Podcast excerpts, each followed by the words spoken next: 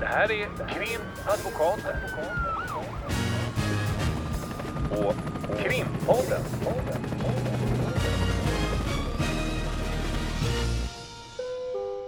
Parter och ombud kallas till sal 32. När jag fick en pistol riktad mot mig en kväll nu i vintras så var inte min första tanke till exempel en rimlig tanke i form av spring iväg eller jag springer och gömmer mig bakom soptunnorna som fanns lite längre bort eller nu måste jag kasta mig ner på marken eller något sånt som jag antar kanske hade varit eh, smart ehm, i den här situationen. Ehm, jag fick heller inte den här eh, passer, nu passerar livet revy som eh, man hör talas om ska hända om man är i en situation där man eh, bör uppleva livsfara. Um, Har du en riktig pistol? Ja, det intressanta då i situationen är att jag eh, stod kvar. Det var en person framför mig som hade landat i en snödriva. Viftade okontrollerat är nog ett försiktigt sätt att beskriva hur han viftade med det som såg ut att vara absolut en pistol. Men min första tanke då istället var är det möjligtvis en soft airgun? Eller kanske en sån där startpistol? Eller kan det vara verkligen en riktig pistol? Och allt det där, vilket ju man kan tycka då är ganska många tankar, de tankarna går ju väldigt fort. Samtidigt som jag liksom försökte få någon sorts uppfattning om det här pistolliknande föremålet i handen. Men det var uppenbart någon sorts pistol. Och så tänkte jag lite så här, eller bara en sån här pistolattrapp kanske. Men hur som helst, eh, jag funderade lite kring det här. Sen så började jag fundera. Men hur lång tid hade du på dig? Ja, alltså, ja, det här som sagt, de här tankarna var väldigt snabba. Istället för den här snabba resumén av, av livet som man ska få i den här stunden så var det en, en snabb resumé av, av eh, Olika vapentyper. kontroll, kontroll av situationen. Ehm, sen började jag fundera på skulle det här verkligen kunna rubriceras som grovt olaga hot eftersom det är då ett hot i, i förening med ett, ett eh, pistolliknande föremål. Eller något annat eftersom den här personen då som låg i snödrivan och då eh, inte riktigt eh, kanske vid sina sinnens helt fulla bruk. Det var väldigt tydligt. Eh, och viftade ganska förtvivlat, vill jag nog beskriva det, med den här pistolen åt, åt väldigt många håll, men också åt mig. Och jag var den enda som liksom var i närheten, så det, det blev ju riktat mot mig. Vad börjar du tänka sig att det kanske inte är ett riktat hot? Mm, eller? exakt, till en mer diffus krets. Att det saknades Måste- uppsåt till Ja, det här exakt. grova olaga Ja, hotet. uppsåtsfrågan är alltid intressant Mm. i sammanhanget också. Men sen hur som helst när man märker att det börjar lugna ner sig. Eh, den här personen sänker armen, låter vapnet liksom eh, eh, hamnade vid sidan om honom. Eller jag, jag tror att jag inte alls hade kontroll på vapnet på samma sätt då.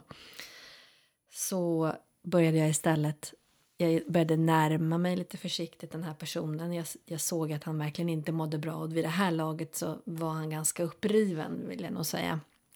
Eh, och då när jag hade suttit där ett tag och lite så här att det är okej, okay, det är okej okay, och vi, vi måste ringa någon och så vidare så började jag, eller jag hör mig själv ställa frågor som har du licens på, på det där vapnet?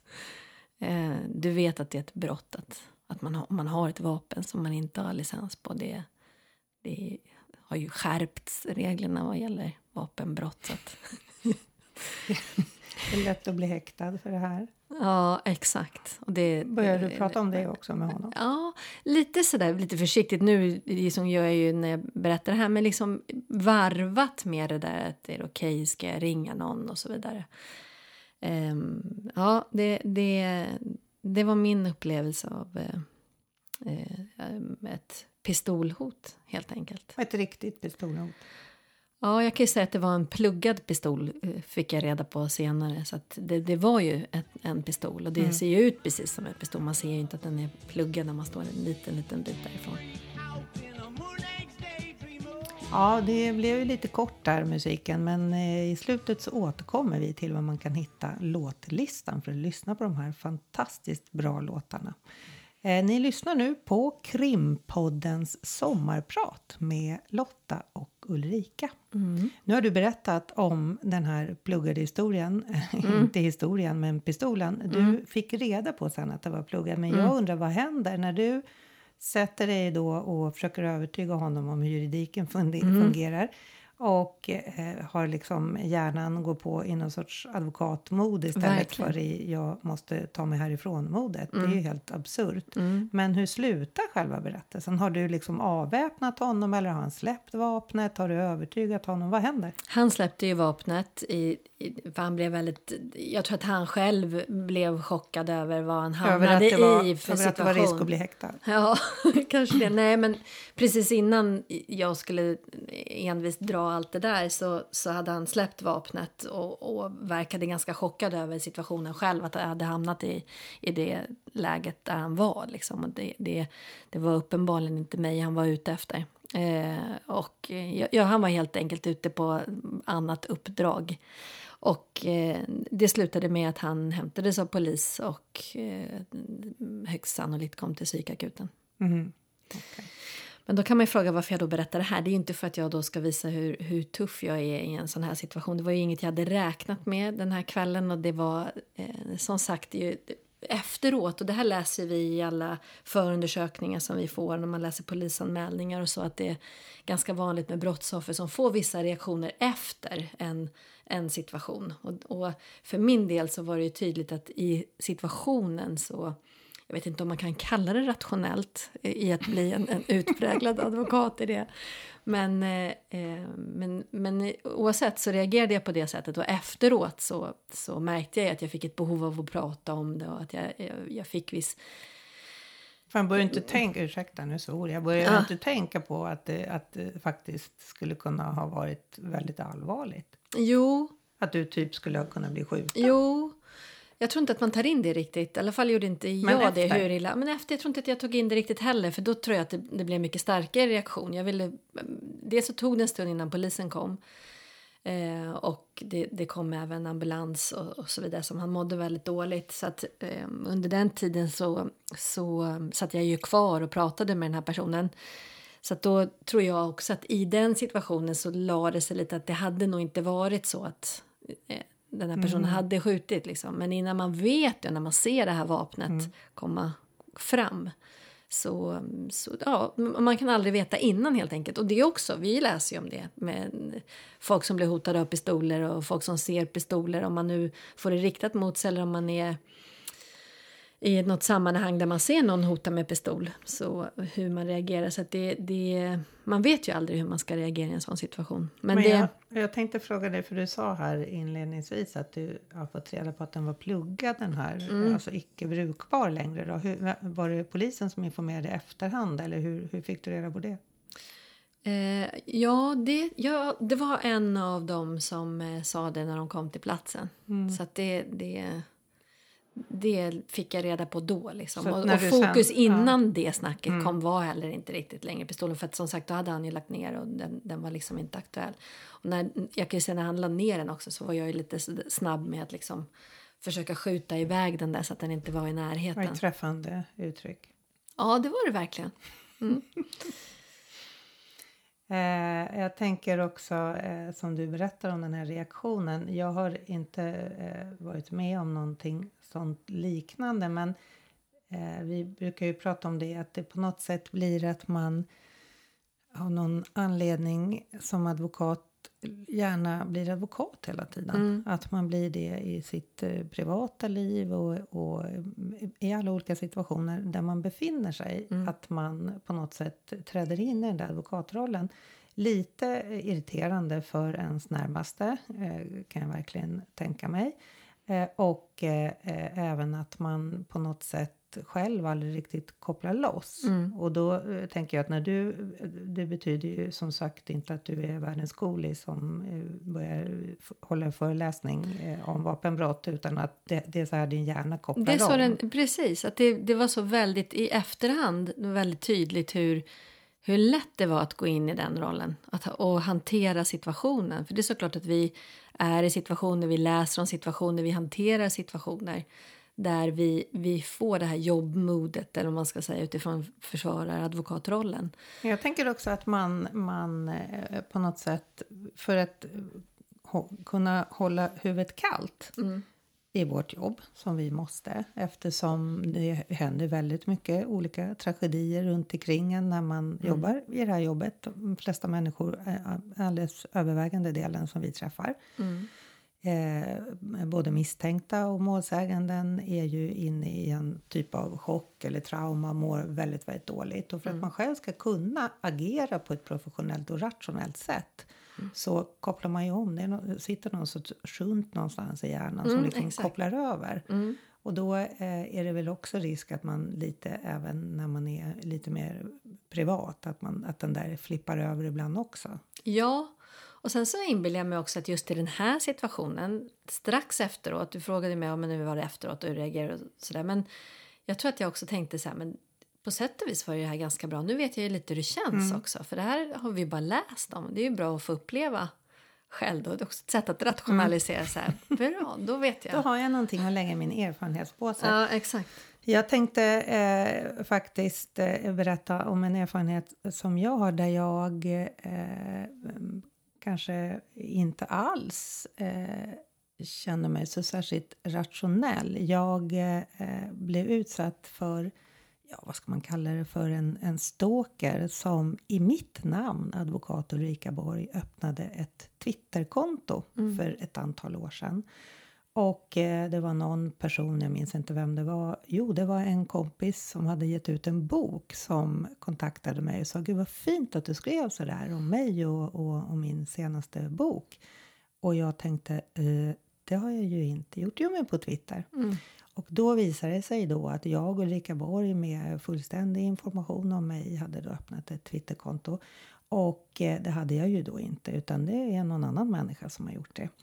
Och eh, jag, Ulrika Borg, kontaktade då via det här Twitterkontot, sökte upp kontakter och eh, bland annat så kontaktade jag eh, olika institutioner på universitetet där jag undervisar eh, och framförde en massa besynliga åsikter eh, om, om olika saker. Och sen så kontaktade även jag då, med alltså mitt namn, eh, en han, vad heter han som har den där Let's Dance på TV4? Han som också är med i Morgonsoffan. Jag har glömt bort vad han heter. Han är typ superkänd på TV4 i alla fall. Så på den tiden så var jag ganska ofta på TV4 som någon sån här expertkommentator i juridik. Och då kontaktade jag då på mitt Twitterkonto honom och bad om att jag skulle få vara med i Let's Dance. Och sen, Ganska rimligt ändå. Eller hur? Och alltså det var helt sjukt. Han, han eller hon då, den här personen, jag misstänker att det var en han, jag misstänker även vem det var. Men det gick aldrig till någon rättslig lösning. Eh, han eh, kontaktade också eh, olika höga jurister och beskrev, där jag då, Ulrika Borg, advokat, propagerade för livstidsstraff. Jag var inte främmande för dödsstraff heller. Och jag hade väldigt konstiga, utifrån mitt eget perspektiv, skruvade politiska åsikter. Men sen var det också ganska jobbigt därför att jag då, eh, på det här Twitterkontot, beskrev vad jag hade gjort på dagen och jag beskrev min då vuxna, nu också vuxna son och hans jobb och vad min man ägnar sig åt, vad han har för sysselsättning och arbete. Så att det blev väldigt mycket beskrivning av mitt privata liv som förstås var lite på sniskan allting. Men då kände jag också att det här eh, känns inte okej. Det kände jag ju redan när, när jag då hade bett om att få vara med i Let's Dance. Där gick väl liksom proppen ur för min del. Ja, fast också det här att kontakta kollegor fruktansvärt obehagligt. Ja, och inte ha ordföranden i kontroll. Liksom. Advokatsamfundet för, gav jag mig in på, för han är ju en, en idog twittrare och gav mig in där. Ja, fy sjutton vad obehagligt. Men alltså pågick det här under väldigt lång tid, eller hur? Ja, alltså jag kommer inte ihåg. Det kanske höll på i men typ två, tre månader när jag upptäckte det. Mm. Eh, eh, två, tre månader. Därför att då fick jag hjälp av en, en god vän som är väldigt duktig på nättroll. Och eh, vad vi började med var att försöka stänga ner sidan på Twitter. Och det var ju inte så enkelt. Man kan ju inte liksom ta fram telefonen och ringa till herr och fru Twitter och så svarar Mm. de och sen så säger de det var beklagligt, den stänger vi ner.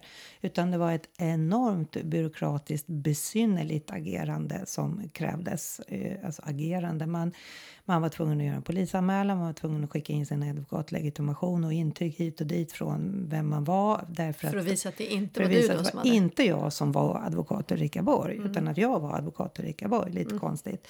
Men eh, och under tiden det här höll på så höll ju den här idioten fortfarande på med, med jag och Ulrika Borg då som idiot eh, att eh, beskriva och, och approchera olika människor. Men då var det i alla fall så att jag, jag var i samband med att jag hade ett förhör på polisen Södermalm där jag var försvarare. Så när jag hade eh, sagt hej då till klienten efter förut så kom jag på men gud jag går in och gör den här polisanmälan nu. Så har jag det gjort så jag kan få iväg det där till Twitter, vad de nu heter.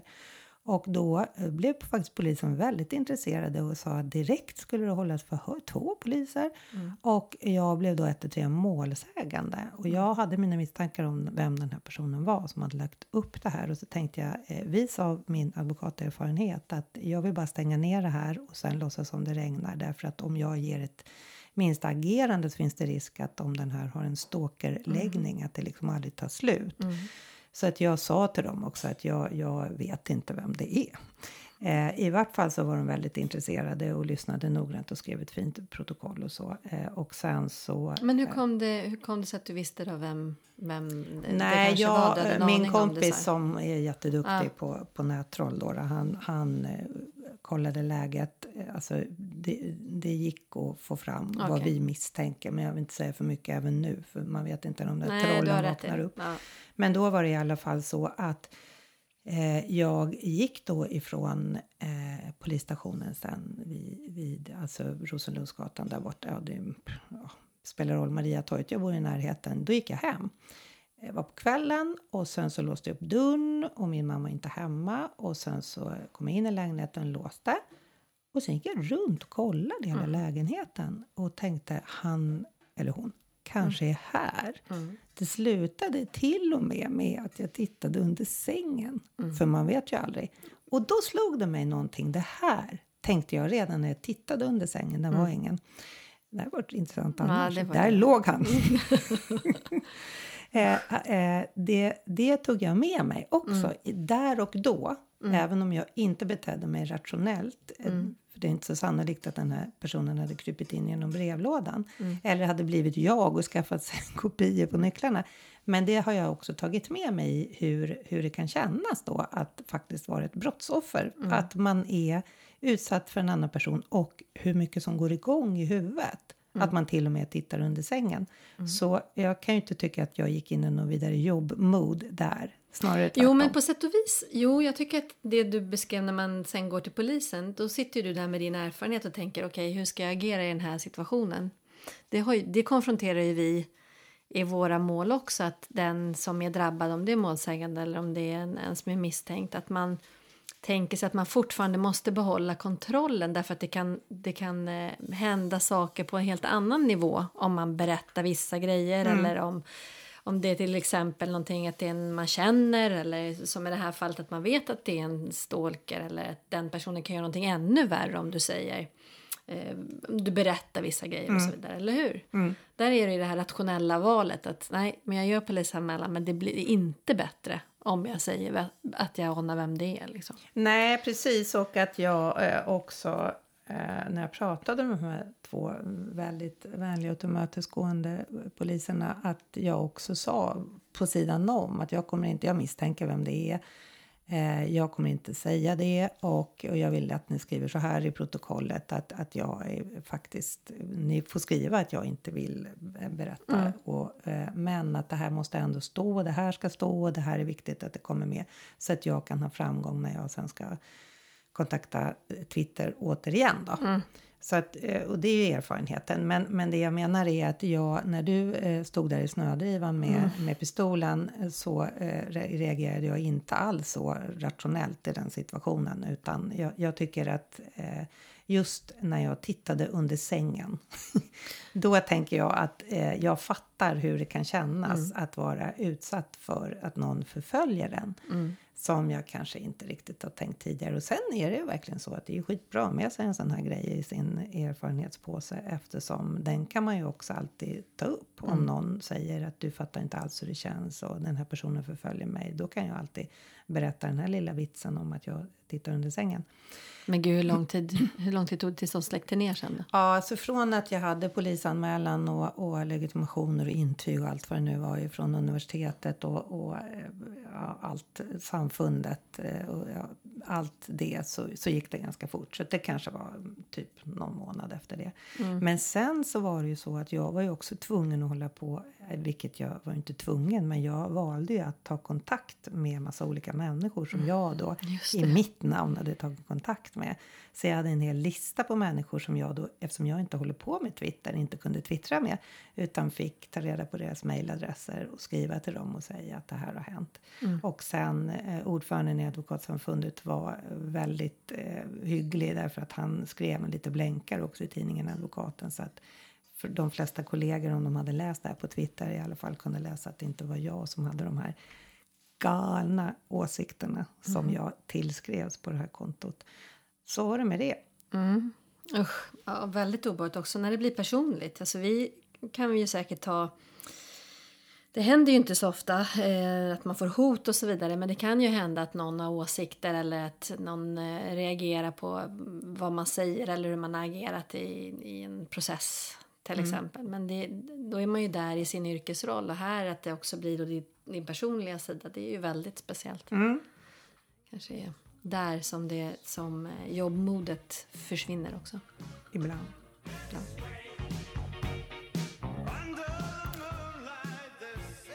Ja, jag tänkte jag skulle beskriva ytterligare en situation som eh, där vi pratade om det här med jobbmodet om vi nu ska kalla det eller det här att man går in i sin... Shunten, ja. Ja, det är ännu bättre. Eh, jag tror att jag har berättat i ett tidigare avsnitt om en situation jag var med om i en eh, process, en rättegång där eh, jag var försvarare. Och det handlade om att min klient, man påstod att den hade, att min klient hade slagit en annan. Ehm, och det krävs ju ändå att ett slag ska ha orsakat en viss smärta hos målsäganden. Och då handlade det mycket om vad det här var för typ av slag. Och att eh, hela vårt försvar egentligen var att det var inte av den digniteten och kraften att det kunde vara misshandel. Ehm, och eh, i situationen i rättegången, och jag vill nog ändå eh, tolka situationen som att min klient var ganska nervös och ganska angelägen om att visa att men herregud, det här var verkligen inte. Så att det Hårt. han gör är att han eh, ska visa på mig utan att jag är överhuvudtaget förberedd. Och ta sats, såklart, när man är taggad liksom, i, i situationen. För att visa hur löst det var. Ja. Och ger mig en, en, eh, en rejäl örfil. En råsop. En råsop. Eh, vilket gjorde jätteont faktiskt. Men skaka huvudet till typ eller? Nej, du parerade direkt. Jag parerade, jag parerade direkt som värsta hjälten. Nej, men jag, jag, det tror jag inte att någon... Jag tror att vi alla i salen, även min klient, eh, blev nog lite sådär förvånad över att det hade utdelats en örfil även till advokaten i sittande, i, under själva förhöret med honom. Eh, och då var det ju väldigt intressant. Och jag måste ändå säga att jag var ganska stolt efteråt mig själv. Att jag just inte reagerade. Jag har ju ganska lätt för att, att rodna och så vidare när jag blir engagerad och så vidare. Så jag kanske var ganska röd. Jag var också Så taggad i situationen. Liksom. Men jag vet att jag direkt tänkte att jag får inte visa den sidan för den är väl sannolikt mörkröd. Och eh, heller inte, vilket jag ju ville, för det gör ju något så fruktansvärt ont att bli slagen i ansiktet, även om det är med öppen hand. Liksom. Jag håller alltid på sådär med öppen hand eller knuten hand. Det gör ju skitont att bli slagen med en öppen hand också. Det bara smackar till. Smackade till. Eh, men på den sidan där mikrofonen inte var, så jag tror inte att man hörde smacket. Och, eh, eh, och det var ju sannolikt så jag var också ganska övertygad i den här situationen, det var speciella omständigheter, att det inte hade varit det typen av slag på riktigt. Liksom. Det som skulle då visas där i, i, i förhandlingen var nog inte riktigt med sanningen överensstämmande. Det hade nog varit lösare på riktigt. Det här var ju ett, ett slag. Men... Eh, Eh, och där så stod jag ju verkligen pall för att jag kunde inte göra något annat. Hade jag på något sätt fått tårar i ögonen, vilket man ju också kan få för det är ju mm. jättemycket nerver i, när ena fingret liksom däskar till näsan och sådär. Eh, eller just skakat ansiktet eller bara så här. Eller vad fan gör Vad i helvete? så hade jag ju sänkt min klient. Så är det. Mm. Då hade vi förlorat hela vårt försvar och hela, ja han hade dömts helt enkelt. Um, så att jag satt där, ja. Jag vet att jag så vände mig, ja. Ni ser liksom. Det, det, nu kändes det ju där, så jag, man ska inte fram jordet och man får inte ljuga. Men jag ville liksom visa att ja, det, så här, det är ingenting. Men eh, ja, det var ju verkligen så. Där är det också att det bara kickar in. Det är lite det som är, tycker jag då är intressant om vi ska ta de här eh, berättelserna som, som eh, vi har gått igenom lite här. Att det bara kickar in. Man, man, det är ingenting man väljer utan det är någonting som man gärna eh, tar fram i situationer. Och det går oftast ganska snabbt. Det här var ju bara som en reflex att man plötsligt sitter där och är men det är det som är grejen i, i, i vårt jobb i mångt och mycket. Det, det är så mycket som är rena reflexer. Man måste vara på tå, man måste, man måste hantera så väldigt många både besynnerliga och ovanliga och helt oförberedda situationer. Mm. Mm. Både juridiskt och mm. sakligt, mm. alltså sak, vad, vad som händer. Eh, sitter man i en rättegång och så har jag varit med om en gång så eh, vi satt i en ganska liten rättegångssal runt ett avlångt bord. Jag sitter nära domaren, min klient sitter bredvid och ett, tu, tre bara kräks domaren rakt ut över hela bordet. Mm. Då har domaren hållit igen jättelänge och det är ju ingen som vet. Mm. Och antagligen bara fått jät, blivit jättemagsjuk mm. och bara kräks rakt ut över hela bordet och alla som sitter bredvid. Varpå min klient börjar gapskratta. Mm. Och jag blir direkt så att jag måste få honom att sluta göra det därför att det främjar inte hans sak att gapskratta. Det gör det verkligen inte. Mm. Det är ju inte så schysst heller mot domaren. Men det var ju en helt en sån situation som man inte kan räkna med. Mm. Och direkt är man där och ska försöka få klienten att, att agera på ett sätt som främjar klienten. Mm. mm. Och också själv, precis, också själv reagera. Det var ju lite det här just när man hamnar i en situation som man aldrig kan överhuvudtaget ens förutse. Hur ska, ska man, man ska fatta att en domare, nej, och att nej. en domare bara kräks ner liksom. Och att vi direkt då bara anpassar oss. Mm. Det är ju faktiskt en, en, en, superkraft helt enkelt som man måste träna upp i det här, i det här jobbet. Men också som du säger att man direkt då eh, vänder det till att okej okay, nu måste jag ha koll på, på min klient. Och det mm. är ju vårt uppdrag. Mm. Vi måste ju liksom Ehm, ja, jag börjar säga det, vi, är det, vi måste vara det ultimata språkröret på något vis. Den som, ehm, ja, men den som styrslar upp situationen på bästa sätt. Ja, jag tänkte eh, pigga upp stämningen lite med eh, att berätta om när advokatrollen ibland korsas även med privatlivet. Eh, det var för väldigt länge sedan eh, när jag var ny. Jag var inte advokat än och jag var biträdande jurist som det heter. Och jag hade fått ett uppdrag att vara eh, offentligt biträde för en person som man hade ansökt om tvångsvård för den personens allvarliga missbruksproblem som man anförde från motsidan. Mm. Och mitt uppdrag var att företräda den personen och framföra den personens uppfattning och åsikter och också eh, när det skulle bli rättegång informera om hur det går till och redogöra för lagstiftningen etc. etc. Och då var det så att den här personen eh, hade jag inte fått tag på. Eh, hade hon, han hade inte svarat på telefonen, inte på brev. Och eh, hon han eh, fanns i en förort eh, till Stockholm där jag skulle gå med min son på barnkalas. Så påpassligt. Det var så påpassligt. Så då eh, åkte vi ut på det här barnkalaset och sen eh, någon gång sen eftermiddag, tidig kväll så tänkte jag, det var stationen efter som den här klienten bodde på, så tänkte jag, eller på väg mot stan där vi bor, så tänkte jag, men äh, jag hoppar av och, och testar och bara knackar på. Så kan jag liksom bestämma en tid med den här klienten som hade någon telefon som inte funkade och inte svarade på breven. Så sagt och gjort, jag och, och, min son, vi lyckades ta oss in i det här huset, ett höghus, för att det var någon som kom ut. Så det var ju toppenbra, annars hade ju the mission misslyckats. Vi kom in och så åkte vi upp med hissen och så kom vi fram till klientens dörr. Och jag plingade på, det var ingen som reagerade. Jag ropade i brevlådan. Ja, hej, är det din eh, jurist här? Är ditt ombud, ditt biträde här? Jag skulle behöva kontakt med dig. Det var helt tyst. Och sen så tänkte jag, äh, då får vi bege oss hemåt då. Det började ju bli lite kväll. Så då, ett och tre, så öppnas dörren. Och i dörren så står det en spritt språngande naken person med endast en flanellskjorta på sig, helt uppknäppt. Inte spritt språngande naken? Spritt språngande naken. Under med, flanellskjortan? Under flanellskjortan mm. som var helt öppen. Mm. Så att man såg hela härligheten, mm. hela personen. Täckte den här dörröppningen. Och personen i fråga var också ganska rejält berusad. Och då blev jag jätteglad och tänkte shit vad bra, nu kommer jag kunna antingen bestämma en tid när vi ska ses, det är jättebra, vilken jäkla tur att klienten öppnade.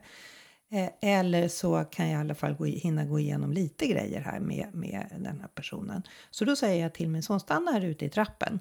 Och så går jag in. Eh, men klienten var en väldigt vänlig men som sagt väldigt berusad person. Ville alldeles prompt att min son skulle följa med in i lägenheten. Och jag ville vara effektiv så då sa jag men häng med så bara, jag ska bara prata några minuter här.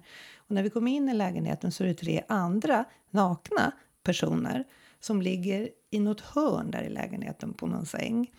Eh, och då eh, tänker jag att jag sätter mig ner här i den här fåtöljen och så eh, bara jättekort, bara jättekort så ska jag bara liksom försöka avtala en tid imorgon att den här personen ska hålla sig hemma. Jag var så lycklig över att den här personen var hemma mm. nu så jag kunde göra det här uppdraget.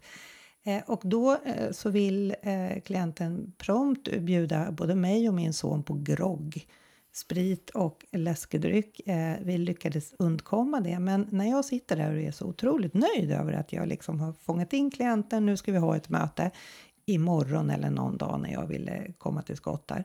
Så sneglar jag åt sidan och då ser jag min son som står vid ett fönster, ett ganska stort fönster som står lite på glänt. Och där står han så här och andas bara med munnen, inte med näsan. Och då slår det mig med shit pommes frites. Alltså, Var nu, är vi någonstans? nu, nu tror jag... jag är det här att vara en lämplig... Mamma, nu blir det LVU här, tänkte jag.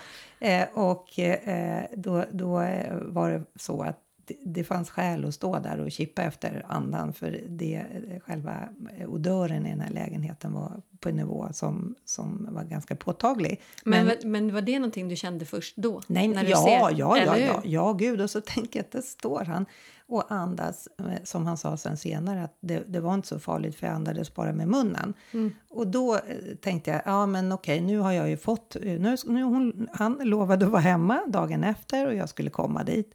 Eh, och då sa jag, men jättebra, nu går vi härifrån. Och sen så åkte vi hem. Mm. Och det brukar min son, jag tror han var typ 10-11 år då när det här Ja, hände. men då är det ju preskriberat sedan länge. Ja, oh ja. Mm. Eh, och eh, han eh, alltid någon gång om det, om vi sitter i något sammanhang när någon frågar mig så här, hur är det mamma som advokat? Och då tänker de så här Suits eller någon annan cool tv-serie. Mer glamoröst. Ja, mm, Väldigt precis. mycket mer glamorösa miljöer. ja, då brukar han lite lakoniskt berätta om eh, när han fick följa med mamma på ett advokatuppdrag.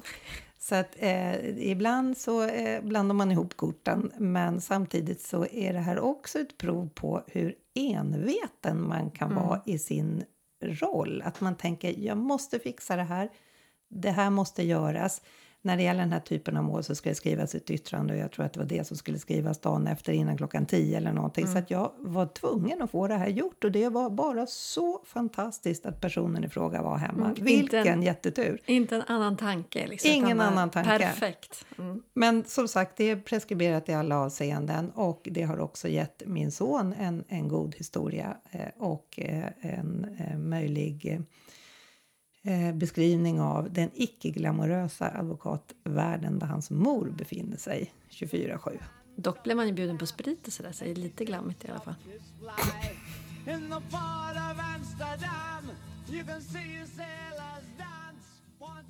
Jag tänkte på det här som du beskrev med, med eh, lukten och så i den här lägenheten. Jag var ju i en situation som jag tror att jag har berättat för dig, men jag tänkte jag kan dra den eh, här nu också i vårt sommarprat. Eh, när jag en gång var på väg till ett förhör, också på Södermalm faktiskt. Eh, som du Där beskrev, händer allt. allt händer. Jag tog tunnelbanan dit ifrån kontoret, eh, fick ett samtal ifrån en klient, ett ganska viktigt samtal, ganska angeläget och jag var verkligen tvungen att ta det just då. Så jag var helt inne i det här samtalet eh, på tunnelbanan. Jag sätter mig på de här, alltså jag tycker det är så svårt att, att benämna saker i tunnelbanan, men det här där man sitter i de här fyrgrupperna. Och eh, inte uppmärksam direkt på var jag sätter mig någonstans men att det sitter någon bredvid mig. Liksom. Och så hör jag plötsligt när jag har det här samtalet. Och det här när man åker i lite tunnlar och sånt där med mobilen. Det var inte jättebra ljud. Jag var väldigt sådär. eh, det var du innan som- airpods så att jag var liksom och du angelägen som om att... alltid är så eh, på gränsen till paranoid att folk ska lyssna på dina Ja. samtal. Ja, men jag, ja, precis. Att jag också är helt inne i vad jag säger så att man inte ska kunna identifiera vem jag pratar med. Och så. Då har du faktiskt rätt. Det är säkert därför jag var helt inne i det där också. Men eh, märker efter en liten stund med irritation att det är någon som stör mig hela tiden. För det sitter en person bredvid som snackar för sig själv, som jag då tolkar det. Lite så här mumlande och så tänker jag, åh nej, det här, jag, då hör jag ju ingenting. Dels tunnelbaneljudet och sen massa annat som är i tunnelbanan och sen den här fokuset jag måste ha. Så jag reser mig upp eh, och ställer mig i den här stågrejen, det här mellanrummet där, där alla står med, med stången och sådär. Och fortsätter mitt samtal. Och det hör då till sak att den här personen som satt bredvid mig Eh, när jag, som jag då hade rest mig uppifrån var också en person som eh, satt och drack öl och sådär. Så mycket noterades. Jag tänkte att ah, ja, men en, en, en fyllis som sitter och snackar liksom. Men på något sätt så blev den här personen kränkt och jag hörde när jag stod där i det här stora utrymmet så hör jag lite i periferin, jag, inte så att jag liksom gör någon vidare notis, hur han säger aha, så man ska ställa sig upp, jaha. Och börjar rikta det mot mig och ser att han sitter och blänger på mig. Men jag har ju det här samtalet så jag, jag skiter i det och pratar vidare och är liksom helt inne i det. Och så plötsligt så står den här personen framför mig med sin ölburk och säger någonting som jag heller inte riktigt uppfattar. Men någonting väldigt argt och ser väldigt arg och väldigt berusad. Och kastar det som är kvar i ölburken, massa öl, på mig. Eh, och sen slutar med att kasta burken också på mig. Och du pratar. Jag pratar. Eh, Jag tror att jag säger oj, n- n- vänta, jag, nu fick jag lite klet på mig här bara. Men ja, vad var det du sa? Och så fortsätter jag. Just då ser vi Mariatorget, går av. Och eh, står kvar på perrongen, avslutar det här samtalet. Eh, och tänker, men gud, nu kommer jag ju... Nu kommer jag in här, luktar öl är ju, det må vara gott att dricka liksom, men att få över sig, det luktar ju så himla surt och äckligt. Bara efter en, en minut så är det ju som en, en sån här eh, riktigt sur påse till återvinning av en massa gamla ölflaskor. Liksom. Nej, det var inget roligt.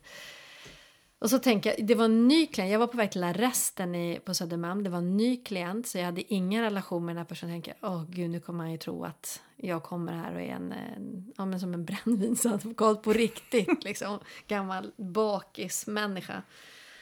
Kommer dit eh, och blir insläppt, går ner i arresten, möter min klient och då, då har vi pratat om också, tar man ju alltid det här första egna samtalet med eh, klienten och så börjar jag med att säga hej, hej, hej. Det här, det här var på tiden när man hälsade också innan corona. Tar i handen jätteordentligt för att visa att här är det ingen som är bakis Full. och skakig eller full eller någonting. Jag bara, ja, luktar jag lite illa här kanske men ja, jag, det var så konstigt. Jag fick massa öl på mig här utanför. Som att, nu när jag berättar tänker jag som att man tror på det. Ja, eller hur? Ja, Okej, du har alkoholproblem. Och då ligger det resten i samma kvarter som Systembolaget. faktiskt. Ja, det har jag faktiskt inte ens tänkt på. Men, men till saken hör ju faktiskt att min klient eh, också var, eller också, men ja, alltså också med den som var på tunnelbanan, också ganska berusad. Det noterade jag ju direkt när jag kom in, men, men det spelar ingen roll. Jag vill ju ändå att, att klienter liksom ska ha förtroendet. Men eh, jag tror att vi luktade ungefär på, rikt, på samma sätt. Fast jag kanske något surare eftersom det var textilier liksom, som hade blivit indränkta. Det var på vintern det här om jag minns rätt. Ja, För det var nej, liksom det var- halsduk och Ja, tjockjacka. nej, det var inget roligt alls faktiskt. Ehm, men eh, hur som helst, och det var ju helt okej med klienten och vi skrattade lite. Och det blir ju alltid, man använder ju, eller använder, med såna här små berättelser blir ju också ett sätt att, att få direkt det här som vi har pratat om, man får en snabb relation. Liksom, att saker och ting kan hända och så kan man skratta lite och sen är man liksom, ehm, så har man en bra, ett, ett, en bra kommunikation direkt. Men och sen när polisen kommer då så in i rummet och vi skulle sätta igång och då tänker jag så här, ja men nu är det ju bra här att det är jag som stinker så att man för, för klienten var ju inte så pass att, att eh, han inte hade koll på läget liksom, så det var inte så. Men jag tänkte att nu tar jag hela skulden här för det här Så han blir bra behandlad. superiet. Ja men exakt så att det inte blir något. Eh, så då drog jag igång och, och beskrev den här historien. Men det där, både, både, alltså den här reaktionen också i att det här klientsamtalet jag hade var viktigt och att jag liksom inte avbryter heller. Jag hade ju bara kunnat säga, vet jag ringer upp om någon sekund bara. Men du då var inte torka ett av mig?" hjärnan var ju inte riktigt där. Hjärnan Den är, ju i, samtalet. samtalet. Att jag inte ens noterar. Jag hör som jag sa i periferin men jag, jag reagerar inte på att den här människan eldar ju upp sig själv. Liksom.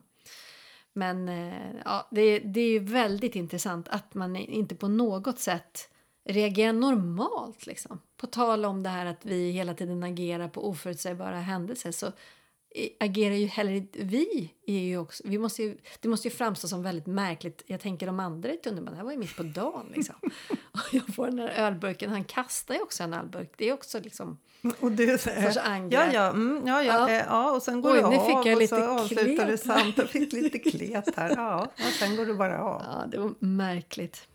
Men, men det gick bra. Klienten fick lämna resten. och sådär. Så att det, det, det, slutet gott. Allting gott. Ja, jag har också haft eh, många sådana här telefonhändelser när man i vårt jobb kan man ju ibland ha väldigt svårt att nå personer. Det kan vara väldigt svårt att nå åklagare på telefon. Det räcker inte att vara med och mejla. Man kanske behöver prata i telefon av olika skäl. och- Eller en polis. Det kan vara väldigt svårt. Och, och det beror ju på att de är ute i jobb. Mm. Är precis samma- som vi. Man säger ju Precis, säkert att vi också är svåra. vi, Liksom. ja. Mm. Och då blir man urlycklig när man väl lyckas få någon på tråden. Eh, och nu var det tvärtom. Eh, i, I min eh, berättelse så var det på det sättet att jag var på väg till Fårö. Och jag skulle konstigt nog ta bussen till Nynäshamn. Jag vet faktiskt inte varför jag åkte buss för. Och dit kan man ju åka pendeltåg. Eh, det här var på tiden innan jag hade körkort. Så jag hade inte kört bil. Men jag vette 17 varför jag åkte buss. Men det Ja. är säkert en sån här snabbuss. Man kan köpa ett paketpris kanske med båt och buss. Ja. Och så. Mm. I vart fall så är jag eh, precis bussen då. Eh, det är bara jag och någon till på bussen. Och jag har typ någon väska. Och så ska jag gå av. Eh, men eh, innan jag ska gå av, för det, det är en stund innan, innan vi kommer till hållplatsen. Så blir jag uppringd av en åklagare. Och då har jag eh, precis hanterat ett, ett eh, ganska stort mål med ett väldigt allvarligt brott. Eh, och vi ska, jag och min klient, eh, han blir frikänd, åklagaren har överklagat. Vi ska upp i hovrätten, så han är på fri fot då, eftersom han blev frikänd. Och hon ringer mig angående en internationell häktningsorder. Det var väldigt mycket och viktig information och hon ringer mig och jag sitter på den här bussen och ska gå av sen om några minuter. Så jag lyssnar oerhört intensivt. Är mest frustrerad över att jag inte har någonstans att anteckna. Ja, jag det, kan inte det riktigt anteckna i mobilen därför att jag måste hålla koll på mina prylar. Jag hade ingen papper och penna utan jag måste liksom försöka komma ihåg allt det här som hon eh, pratar om och det är ganska mycket information. Och då är jag jättefokuserad på allt hon säger för jag måste komma ihåg allt det här. Eh, och lyssna på vad hon säger. Så av någon anledning, jag har ingen aning om hur det gick till, så eh, går jag ut ur bussen, jag har med mig väskan eh, och sen säger det bara pang! Och så flyger jag in, rakt in i en busskur där det finns en, en sån här där man kan sitta på, en stor glasbusskur. Jag är ensam där. Det står en tjej och en man på sidan om ser jag flyger in i den här busskuren, smackar rakt in i, i hörnet. Och sen så, och jag pratar med åklagaren fortfarande, lyssnar på den här informationen och pratar med henne. Eh, Jag är inte med på vad som händer. Eh, Jag reser på mig och då ser jag eh, den här flickan, hon står med någon cykel och hennes pappa. Gick det bra? Gick det bra? Ja, ja, tack, tack. Eh, Och så fortsätter jag prata med den här åklagaren och sen promenerar jag in på färjeterminalen. Eh, och där så blir jag stoppad av två vakter, tror jag. Så att då säger jag till åklagaren nu har jag upptäckt att någonting har hänt, men jag har ingen aning om. Då säger jag till åklagaren, jag vet du vad, jag blir stoppad här av någon anledning av vakter. Får jag be dig att ringa mig om fem minuter? Och så lägger jag på luren. Och så tittar jag upp på dem och säger, ja, vad är det, vad är det ni vill? Och då säger de, vi måste ta hand om dig. Och så tittar jag ner på mina ben och mina fötter. Det är sommar, jag har sandaler och en kjol på mig och är helt blodig. För då har jag bara då har jag lyckats bli träffad av det här, du vet, där det står på, på baksidan av bussarna att man ser upp för utskjutande bakparti eller vad det står. Så att jag har inte märkt någonting. Jag går av den här bussen och sen bara poff så kommer baksidan av bussen och bara törnar in mig i den här busskuren. Säger, jag hade ju kunnat dött Ja, på kuppen. gräsligt. Men det sjuka i det hela är att jag tänker, varför kommer det vakter som ska stoppa mig? Och då säger jag till åklagaren nu är det nog vakter här som ska stoppa mig. Kan du, får jag be att du ringer om fem? Varför sa jag inte det på bussen? Mm. Men då ber jag henne om det och då är jag helt, jag har, jag har ju eh, väldigt mycket blod på mig. De, vill väl inte ha en sån person inne på färjeterminalen. Men de är väldigt vänliga och de tar in mig i något sånt här litet vårdrum och plåstrar om mig och tvättar Mm. Jaha, av mig. och allting. Mm. Ja, det var jätteschysst. Det, det såg ju för taskigt ut kan jag säga. Jag var helt uppskrapad på hela Usch. benen. Och sen eh, hade jag ont typ i hela kroppen. Men sen ringde hon mig eh, efter de här fem minuterna. Och sen minns jag som en liten extra anekdot när jag kom på färjan till Visby. Då träffade jag på den numera avlidne kollegan Claes Borgström.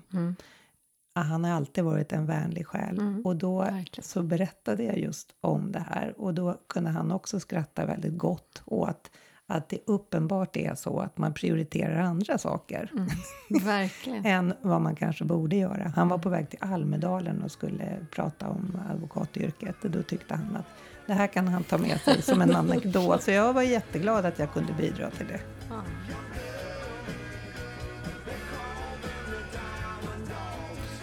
Ja, och vad... eh, Då kan man ju undra vad vi vill säga med alla de här anekdoterna ifrån vårt... Som ju är en, en bråkdel, måste man väl ändå säga. Ja, alla. det är ju det att, att det som är egentligen det tråkiga, eh, baksidan av det här jobbet, eh, att man är så fylld av olika historier vad man har varit med om. Men det är ju egentligen en framsida till skydd för våra klienter, att vi inte kan berätta om alla Nej, dråpliga, faktiskt dråpliga och väldigt roliga berättelser där det har varit underbara klienter man har träffat som har betett sig ibland så totalt knasigt men ändå sympatiskt. Sen finns det de som inte har varit fullt lika trevliga men det finns ju jättemycket roliga grejer som vi hade kunnat berätta om som vi inte kan. Men vad är det som låter? Det är någon som borrar någonstans. Det är någon tandläkare som inte har tagit ledigt. Men som du sa, som du var inne på, vad, vad, är det som, vad är det vi vill förmedla med det här, de här små anekdoterna? Nej, men det är intressant. Man kan ju se som en röd tråd att när vi hamnar i, vi var ju lite inne på det, det här att man, eh, det kickar igång liksom någonting i oss när vi hamnar i en situation. Vi, vi kan agera även om det är en... en eh, vi blir inte överrumplade. Det är väl det någonstans man kan man se. Man har alltid ett fokus till men för sig själv. Nu låter jag ju till och med som en advokat när jag pratar också. Till men för mig själv, till men för din kropp. Liksom. Men då kan man Så jag- tänka så här att men, ko- koppla ner det då. Alltså, eh, stäng ner. Du, nu är det helg, ta det lugnt. Är, Mm. Eller ring, bara- säg på bussen, precis som du säger. Säg på bussen bara att men eh, kan jag ringa upp dig om en liten stund så, så hinner jag skriva ner eller jag måste ta en penna och så vidare. Men då har man ju letat efter den här personen och försökt att ringa och lämna. Man har säkert ringt om varandra. Det är ju inte helt Tusen ovanligt. gånger. Mm. Ja, tusen gånger. Så att, och då är man så här, nu måste jag passa på liksom. För det är också till, till gagn för, för klienten. Så då vill man inte missa den stunden och så hålla på liksom. Men, men, Men jag det tänker, vi var är. inne på det också tidigare, att man, man är, är så, så oerhört mycket insyltad i sin egen yrkesroll att man, även om man liksom, vad ska man säga, man, man släpper jobbet, man går iväg och, och, och står i kassan till Ica och så är det någon som tappar en olivburk i marken som smashar och, och folk blir förbannade och ger sig på den personen. Då är man där direkt och ska försöka stilla det hela, sära på folk, gärna tala om deras rättigheter. Det, det är någonting som slår på och, och det blir ju lite, kan ju bli lite fånigt i det här någon sorts rättvisans eh, beskyddare. Man, Ja, men man- man, värnar liksom den enskilda, den enskildes rättigheter. Och det, det är det vi gör. Och det är väl kanske därför vi också gör det vi gör. Någonstans är det ju säkert att vi väljer det här.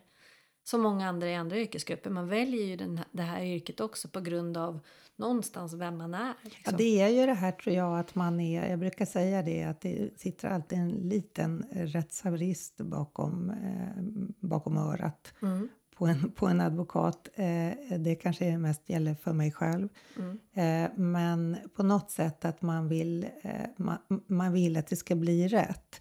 Och rättshaveristen i det hela är väl att, att man kan förfäkta det i det oändliga men, men att man inser då att det kanske är bättre att satsa på att bli jurist och lära sig reglerna istället för att, att, att bara liksom haverera i största allmänhet.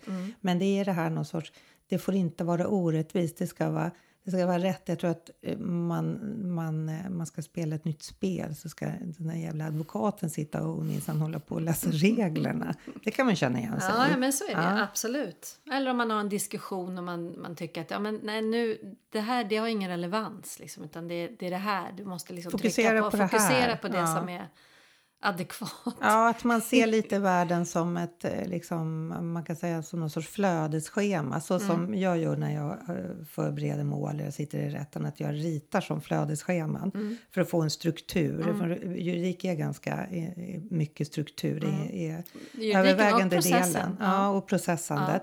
Att man, och då har man liksom olika såna här tankebubblor i ett sånt här flödesschema. Det låter jätteprätt då, men det, så, det är ett ganska bra sätt att jobba på. Och så fyller man på det med, med fakta. Vad är det som hänt här och, och vem säger si, vem säger så? Och så har man olika bubblor i det här mönstret. Det är för mig ett ganska bra sätt att jobba. Och då, då är det också på något sätt att till slut blir det en spegelbild av ens egen hjärna. och Så då, det. därför så är det ju när man, eh, när man ska vara privat eller träffa folk eller sådär att det är lätt att om de har något bekymmer som egentligen inte rör ens egen juridik så är man där och säger det, tänk bort det där, det där kommer du aldrig få svar på. Fokusera på det här, bry dig bara om det här. Eh, det, är de här det är inom de här ramarna som du måste argumentera. Blanda inte in det där för det är inte relevant. Jo men det är jätterelevant för mig, det är jätterelevant. Ja fast det är inte relevant i den här grejen. Det skymmer sikten. Ja, det skymmer sikten och det drar igång kanske andra grejer hos den här motparten, vad det nu kan tänkas vara. Man är, inte vet jag, man har lämnat in en kavaj på kemtvätt och sen så är, är det en fläck på den när den kommer tillbaka som inte satt från början. Så håll inte på att argumentera på, om, kring något annat än att du har bevis för att den inte såg ut så här. Ja, men jag tycker ändå att det är fel. Hur kan de göra på det här sättet? De är ju ändå... eh, de är auktoriserade i kemtvätt och hur kommer det sig? Skit i det, fokusera på det här. Och, och det är ju också det man lär sig i det här jobbet, att få eh, klienter att också fokusera och förstå varför man ska lämna vissa delar åt sidan därför att de är inte relevanta inom den här juridiken. Jag brukar säga att ditt liv är som ett jättestort sammelsurium av olika händelser och berättelser. Det är ditt liv, men vi ska bara hålla på med den här lilla pyttegrejen. Och, och den här pyttegrejen är väldigt stor, men vi ska bara fokusera på den. Och då gäller det ju att nå fram med det för att man ska kunna driva det juridiskt helt enkelt. Och då kanske våra hjärnor blir lite som de här flödesschemana eller att de blir liksom, ja, lite fyrkantiga. Ja, men inte, nej, inte bara för att jag inte tycker om det begreppet. Men kanske inte fyrkantiga, men, men det blir en ganska utpräglad rationalitet i alla fall. Det finns inte utrymme för så mycket känslor i, det- i det hela. Vi, vi rationaliserar även känsloyttringar. Det kanske man kan sammanfatta också. Samtliga de här berättelserna är ju också att, att i situationer där, där en annan eh, personlighetstyp hade kanske reagerat på andra sätt. Därför att det är lätt att man kan reagera med känslor. Liksom. Nu beskrev du när du hade eh, fått den här stålken efter att du... Till slut blir det ju känslor. Men Till slut hittar i- jag under sängen. till slut. Men då har det ju ändå gått ganska lång tid och man har försökt med de, om det är flödesschema eller de strategier eller verktyg vi har så hanterar man situationer. Men alla har ju sitt stopp liksom. Så det, det, är, äh, det är intressant och, och ju mer vi är vi brukar alltid säga att det här är ett hantverk och en del av hantverket är ju just det här. Hantera det här eh, oförutsägbara. Och stöpa in det i I de formerna som erbjuds. Och det är det som är juridiken och sättet att Processen. argumentera och, och processandet i domstol. Himla roligt Himla yrke. roligt yrke. Och eh, då kanske vi ändå ska avsluta med att säga att man ska se upp för det utskjutande bakpartiet. på bussar. Ja, det tycker jag verkligen. En stor, stor varningsskylt på det. Och till sist då gällande musiken. Den som har varit uppmärksam har säkert noterat att vi bara har spelat eh, Bowie i det här sommarpratet. Och det är ju ytterligare en sak som vi har gemensamt Ulrika. Eh, och man kan säga när vi kopplar av då vänder vi oss till musiken och Bowie är en husgud till båda oss. Så att, eh, det är bara lyssna och njut. Var hittar Så. man det där då? Vi har gjort en spellista på Spotify. Så sök efter Krimpoddens sommarprat på Spotify. Så Får man höra hela, hela hela låtarna. låtarna. Precis.